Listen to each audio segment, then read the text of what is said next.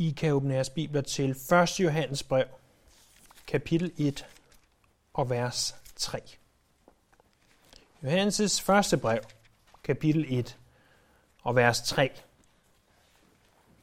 I det vi for et par uger siden begyndte gennemgangen af det her vidunderlige, men meget, meget udfordrende brev. Vi talte om dengang, da vi begyndte for et par søndage siden, at hovedformålet med, at Johannes han skriver, det er, så vi kan blive sikre på vores frelse. At masser af kristne, de går egentlig og er usikre på, hvorvidt de er frelst. Og det skyldes selvfølgelig mange forskellige ting. Det skyldes de udefrakommende røster fra, fra djævlen selv og fra verden, som påberåber sig, at det kan ikke være rigtigt, at vi kender Jesus, men det skylder lige så meget, skyldes lige så ofte os selv og vores synd, som vi stadigvæk kæmper med. Og når vi synder, og, og når vi falder i synd, øh, og så tænker vi, kan det virkelig være rigtigt, at jeg tilhører Jesus? Øh, de ting er det, som Johannes først og fremmest skriver om her i slutningen af det første århundrede, for at vi kan være sikre på, at vi er frelst. Øh, lad os læse de første fire vers sammen endnu en gang. Det, som var fra begyndelsen, det, som vi har hørt, og det, som vi har set med vores øjne, og det, som vi betragtede og vores hænder rørte ved, livets ord. Og livet blev åbenbaret, og vi har set det og vidner om det, og forkynder jer det evige liv, som var hos faderen og blev åbenbaret for os. Det, som vi har set og hørt, forkynder vi også for jer, for at også I kan have fællesskab med os. Og vort fællesskab er med faderen og med hans søn, Jesus Kristus. Det skriver vi, for at vores glæde kan være fuldkommen. Hvis vi skal opsummere de fire første vers, øh, så er hovedpointen i de her vers det, vi finder i vers 3, nemlig at vi forkynder også for jer. Det er noget, som de forkynder øh, for os. Hvad det er, de forkynder, øh, det er egentlig det, som de her vers så i øvrigt handler om. Vi kunne omskrive verset sådan her. Det bør vi naturligvis ikke gøre i en bibel, men for forståelsens skyld kunne vi omskrive versene sådan her. Vi forkynder for jer om livets ord, som var fra begyndelsen, som vi har set, hørt og rørt. Formålet med vores forkyndelse er fællesskab og glæde. Så Johannes' fokus er på forkyndelsen af noget, forkyndelsen af først og fremmest Jesus i vers 1 og 2. Det var det, vi så på sidste gang, da vi samledes om 1. Johannes brev. Dernæst er det i vers 3 et fokus på fællesskab. Han forkynder fællesskab for os. Og som det fjerde og sidste, så forkynder han glæde. Så i vers 1 og 2 forkyndte han sidste gang Jesus. I dag forkynder han i vers 3 fællesskab, og i vers 4 glæde. Jeg vil også minde jer om, at det er apostlene, der forkynder det her. Det er ikke bare Johannes. Johannes han siger, at vi forkynder det her. Det er ikke øh, Johannes og nogle tilfældige, han snakker om, eller vi som, at dronningen kunne finde på at have, eller konger kunne finde på at have sagt vi. Øh, det er vi, som i Johannes, Peter, Jakob og så videre. Det er vi, apostlene, forkynder de her ting. Ganske vist er alle de andre øh, døde døde hjemme med Jesus, men han siger, det er det, vi har forkyndt, og det er det, vi fortsætter med at forkynde. Så vi apostlene forkynder fællesskab. Det første, han siger i vers 3, det er, det som vi har set og hørt, det forkynder vi også for jer. Hvad er det, vi har set og hørt? Jo, det er en direkte reference tilbage til det, som var i det første vers. Det, som var fra begyndelsen, det, som vi har hørt, det, som vi har set med vores øjne, det, som vi betragtede og vores hænder rørte ved, livets ord. Jesus selv. Øh, det er Jesus, de forkynder. Jesus, som var for det første fra begyndelsen. Der står, han var fra begyndelsen. Det, som er Johannes' hovedpointe her, det er, at Jesus, han er Gud. Øh, for det andet, så forkynder han, at de har hørt ham, de har set ham, de har betragtet ham, de har endda rørt ham. Det, som er hans hovedpointe i at sige det, det er, at han var menneske. For det tredje, som vi så sidste gang, det, som de har set og hørt, det forkynder vi også for jer. Hvad var det tredje? Jo, det var, at Jesus han er livets ord. Vi taler om det her tekniske græske udtryk, logos, som øh, ja, betyder ord. Og måden, hvorpå vi bedst udtrykker, hvem vi er, det er med vores ord. Handlinger betyder enormt meget, men øh, jeg vil stadigvæk våge den påstand, at ord betyder endnu mere. Og som vi talte om sidste gang, så måden, hvorpå vi udtrykker, hvem vi er, øh, det kan være, hvem vores familie er, det kan være, hvad vores politiske holdninger er, hvad vores øh, religiøse overbevisning er, og så videre, og så videre, og så videre. Det er først og fremmest igennem ord. Og det er også måden, hvorpå at Gud han udtrykker, hvem han er. Det er igennem ord. Og igennem ordet, nemlig Jesus. At han sender Jesus øh, for at udtrykke, hvem han er og hvordan han er. Og det var den bedste måde for ham at forklare på, hvem han er. Det er jo i det, i det hele taget julens budskab. At ordet blev kød og tog bolig blandt os. Så det er det, som Johannes i de første par ord her i vers 3 peger tilbage på. Peger tilbage på det, han allerede har sagt i vers 1. Jeg forkynder Jesus for jer. Jesus, som er Gud. Jesus, som blev menneske. Jesus, som var Guds måde, faderens måde at sende sin søn, således at sønnen kunne forklare, hvem faderen var og er.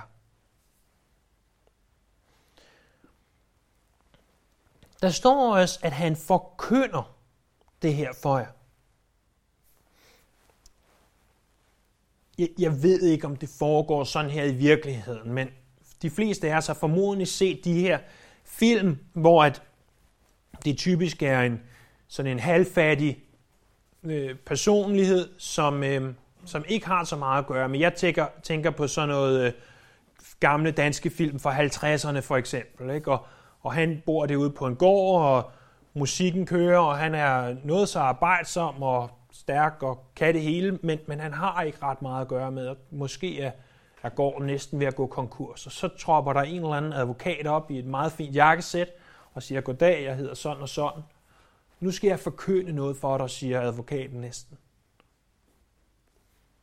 Du er arving til, og så et eller andet kæmpe stort gods, og nu skal du op og forvalte det her gods. Øh, jeg er sikker på, at den film har været lavet mere end en gang, øh, både i øh, dansk sammenhæng og i udenlandsk sammenhæng. Øh, det, som advokaten gør, og det er det, jeg aner ikke, om det fungerer på den måde i virkeligheden, slet ikke i dag, men det er, at han går op til en person og forkynder noget. Og der er noget meget, meget offentligt over det. Han tager sin øh, øh attaché mappe og åbner den og har nogle papirer og sidder der med måske med en forsejlet kuvert og skal åbne kuverten og sige, nu kun gør jeg dig noget. I det her tilfælde, i de her gamle danske film, der vil det typisk være noget, der forandrede personens liv for altid. Øh, når apostlene siger, at vi forkynder noget for jer, så er det den samme type udtryk, der bliver brugt. Noget, som er ganske offentligt. Noget, som har ganske stor betydning. Noget, hvor de offentliggør de gode nyheder om Jesus til den verden, som er omkring dem. Budskabet om Jesus, budskabet om, at han blev menneske, om at han øh, døde, og om at han opstod igen og er taget tilbage til himlen, og der sidder. Det er ikke et budskab, som skal gemmes bort i en krog, i en æske og holdes hemmeligt. Det er et budskab, som skal offentliggøres. Og som skal gøres ganske offentligt. Vi har masser af forfærdelige sygdomme i den her verden. Og hvis jeg hjemme i min kælder sad og fandt på, at hvis jeg gør sådan her og sådan her og sådan her, så behøver folk ikke længere lide af kraft. Men jeg holdt det i min kælder og lod det stå der på en hylde og ikke blive brugt til noget. Det ville jo være ganske, ganske tåbeligt og forfærdeligt, for jeg havde en måde, hvorpå jeg kunne hjælpe øh, millioner af mennesker. Og alligevel, så er det det, som kirken så ofte gør. Vi holder det for os selv. De gode nyheder om Jesus. Kraft er en forfærdelig sygdom. Men der er en sygdom, der er endnu mere forfærdelig, hvis vi kunne kalde det en sygdom. Det kan vi ikke, men sammenlignet med synd er endnu mere forfærdelig. Det æder os op indenfra, og det adskiller os fra Gud. Men du og jeg, vi kender måden, hvorpå at al synd, fortid, nutid og fremtid i Guds øjne kan blive udslettet.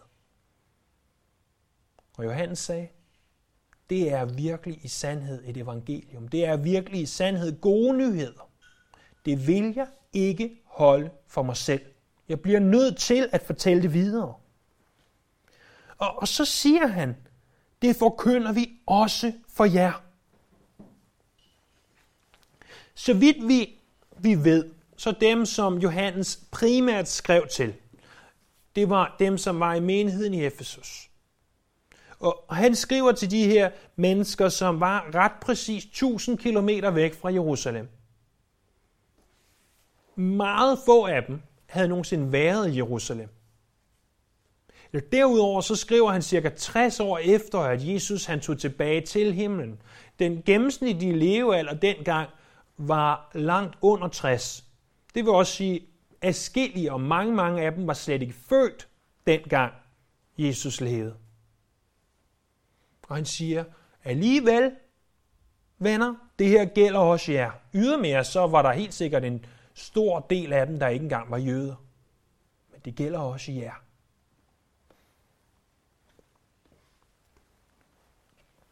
Jeg prøvede for sjov at taste ind, at jeg var i Hillerød og sige, min destination er Jerusalem. Vis lige vej dertil, og det tog ganske få sekunder, imponerende nok, så fortæller den mig, at der er ca. 4.500 km i bil, og det vil tage så og så mange dage, og man skulle gennem så og så mange forskellige lande. Jeg har ikke tænkt mig at forsøge. Men vi er ca. 4.500 km adskilt fra Jerusalem. Men hvad næsten værre er, så er vi næsten 2.000 år adskilt fra begivenheden. Og alligevel så gælder det også os. Når han siger det, som vi har set og hørt, Jesus, det forkynder vi, det offentliggør vi, vi vil ikke holde det for os selv, vi gør det her også for jer. Også for jer, også for dig, der sidder her i dag i Hillerød, anno 2017. Dig gælder det også. Tror jeg på, at vi ud fra teksten med rette kan sige,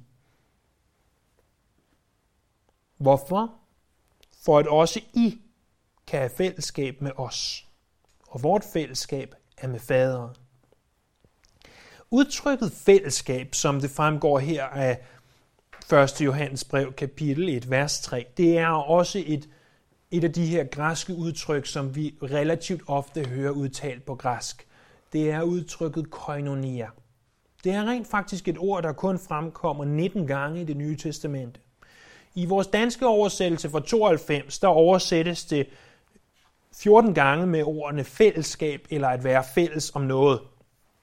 De andre fem gange bruges det øh, både i sammenhæng med velgørenhed, altså at give en fælles gave, en gave eller godgørenhed, eller i forbindelse med samarbejde.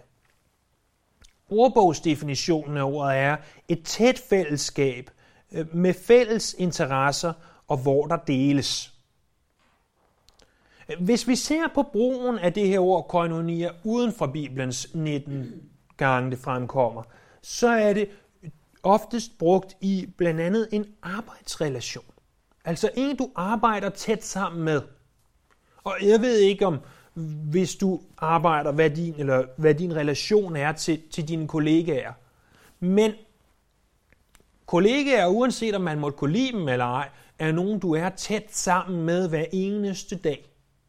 Ganske mange timer om dagen. Og for mange af os er vi flere timer sammen med vores kollegaer, øh, i hvert fald i vågen tilstand, end vi er sammen med vores familie.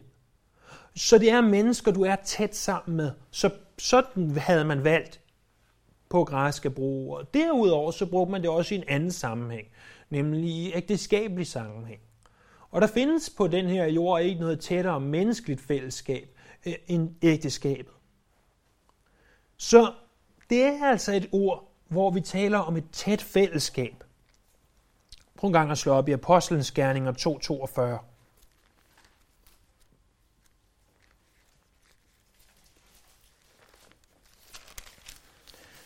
efter Peters prædiken på Pinsedag, da,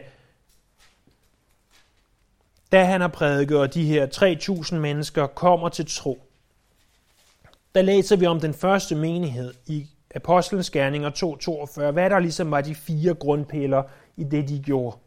Det var, at de holdt fast ved apostlenes lære og ved fællesskabet, ved brødets brydelse og ved bønderne.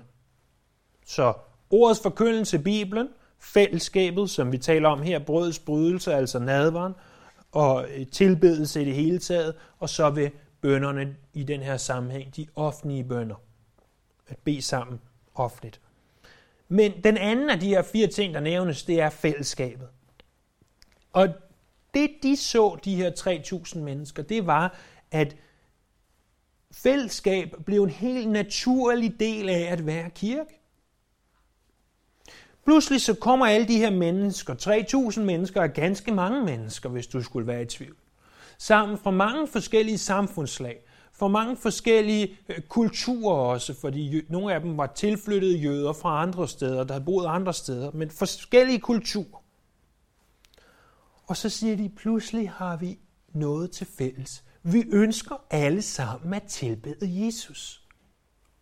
Hold da op, tænker de. Vi har noget til fælles. Og de kom til at elske at være sammen. De ønskede virkelig at være sammen.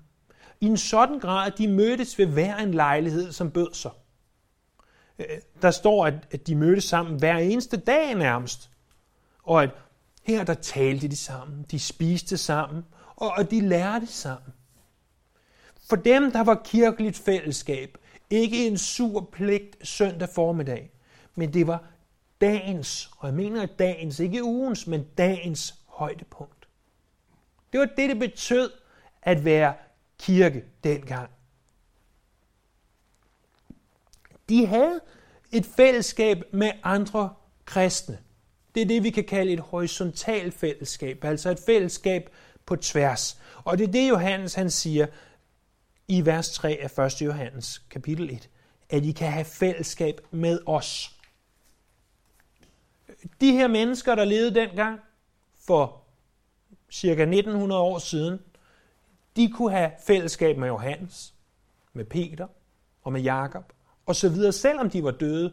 Men de kunne også have fællesskab med hinanden, der var i den lokale menighed. De kunne have et horisontalt fællesskab. Et fællesskab, som var baseret på den apostolske forkyndelse af evangeliet.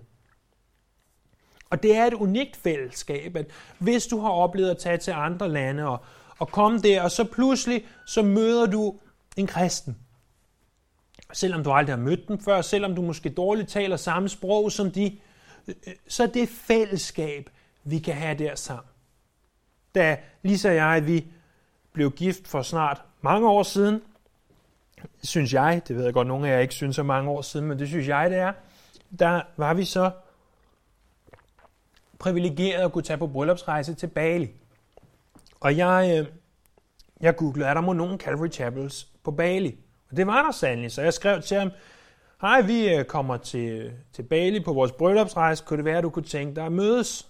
Øhm, manden tilbyder mig så at prædike i hans kirke der. Det var så ikke måske lige det, jeg havde forventet på min bryllupsrejse, men øh, nu turde jeg næsten ikke takke nej, nu han havde tilbudt det. Men da vi mødtes med de her mennesker, som er ud af en helt, helt anden kultur end os, og mange af dem talte ikke samme sprog, som jeg, han gjorde selv ham pastoren, men, altså engelsk, men, men en helt anden kultur, men alligevel at kunne tilbede Herren sammen med de her mennesker. Og, øh, og få lov til at opleve, at selvom vi er fra et helt, helt andet sted, så har vi Jesus til fælles. Det, det er virkelig noget unikt, og det håber jeg, du ved. At uanset hvor du rejser hen i verden, når du møder kristne, så har vi noget unikt til fælles med dem. Men der er mennesker, vi har noget specifikt til fælles med. Det er dem, du ser, når du kigger dig rundt i lokalet her.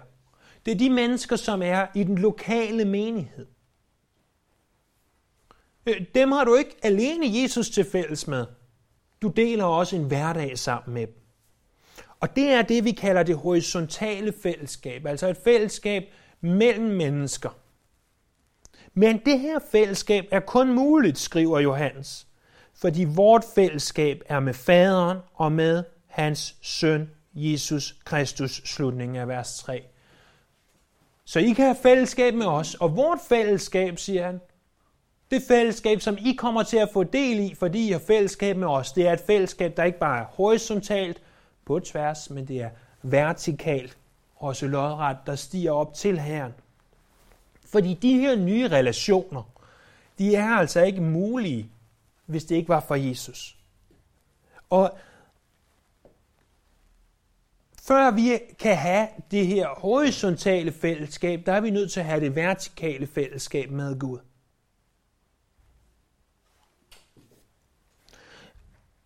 Der er ikke her nødvendigvis tale om fællesskab med faderen, til når vi engang dør og kommer i himlen og står foran Guds trone og, og så videre, selvom det selvfølgelig også er en del af fællesskab. Der er altså tale om et fællesskab i dag. At du kan om lidt, når vi tager nadver sammen, have fællesskab med faderen igennem hans søn. Tænk sig, at du kan få lov til at have fællesskab med den levende Gud. Hver gang jeg siger den sætning, så imponerer det mig, det overvælder. Tænk lige over det bare et ganske kort øjeblik. Du kan have fællesskab med den Gud, som skabte himlen og jorden.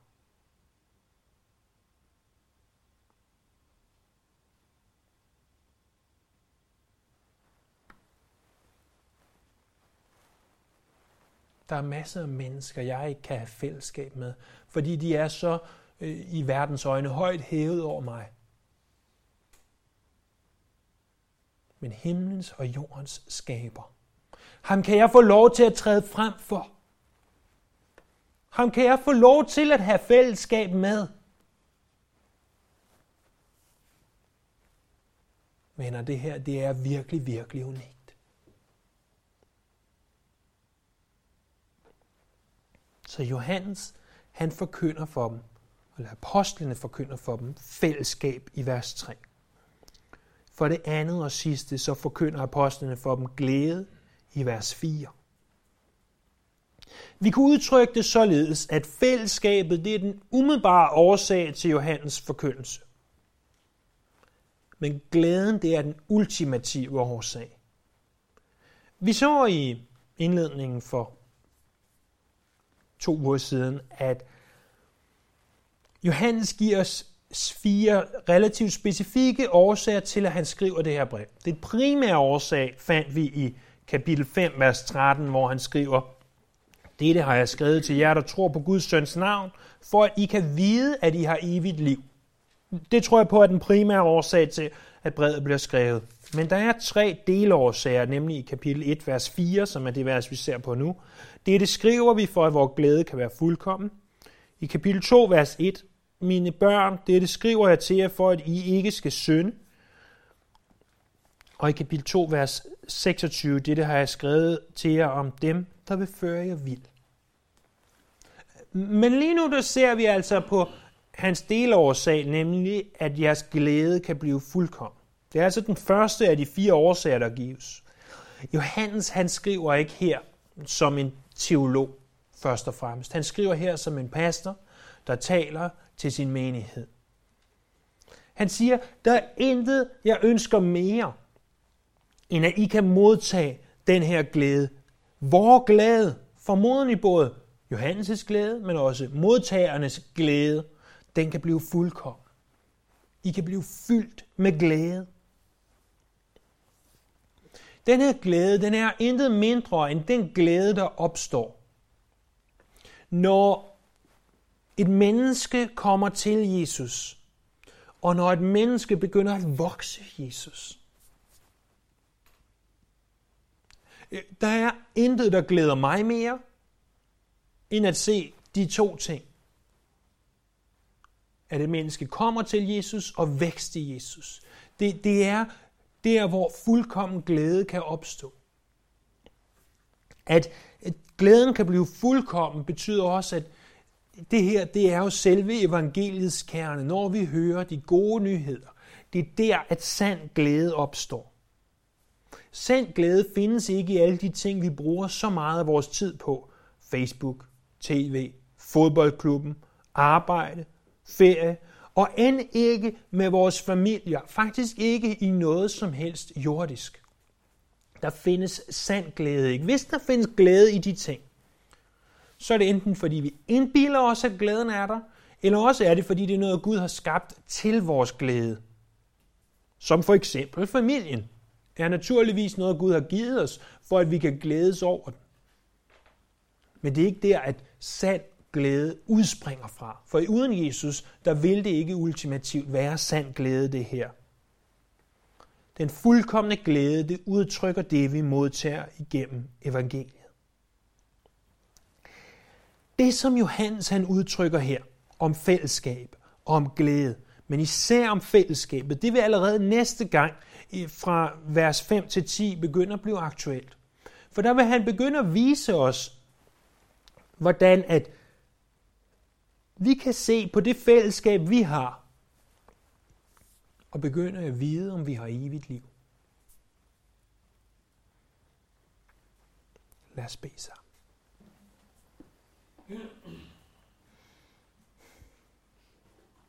Himmelske Far, vi kommer til dig i Jesu navn. Tænk så, at vi kan have fællesskab med dig.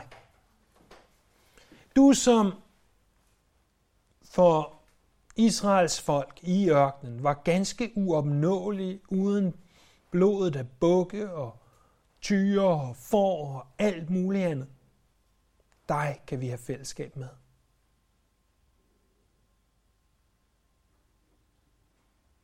Her må vi aldrig tage det for givet. Må vi aldrig tage let på det. Og må det fællesskab forplante sig, så det ikke blot er vertikalt, men det er også horisontalt. Så at fællesskabet imellem os som mennesker bliver stærkere og stærkere. Så kirke ikke bare er en sur pligt en søndag formiddag, men kirke er noget, vi ser frem til. Noget, vi glæder os over. Noget, som vi slet ikke kan lade være med. Og her for de af os, der måtte have det som den sure pligt, så forvandle vores hjerte. Giv os et nyt møde med dig den her søndag formiddag, så vi kan forstå vigtigheden af, hvad du har gjort, og hvad du fortsat gør.